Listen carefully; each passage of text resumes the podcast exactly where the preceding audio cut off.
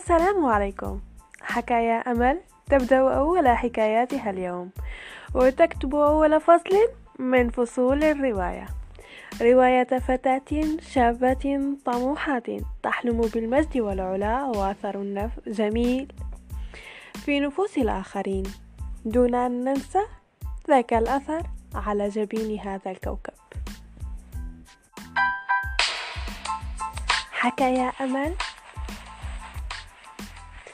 أهلا وسهلا. السلام عليكم. حكاية. أهلا وسهلا بالجميع ومرحبا بكم. بودكاست حكايا أمل تقدمه فتاة صغيرة طموحة واعدة. تحكي لكم وتروي بعض من الخبرات الحياتية تخصها وتخص غيرها. دروس علمتها الكثير في عمر صغير.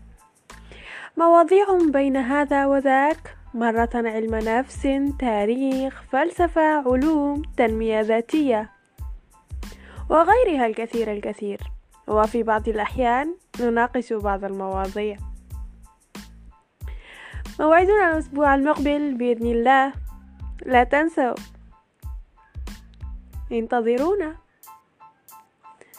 سلام.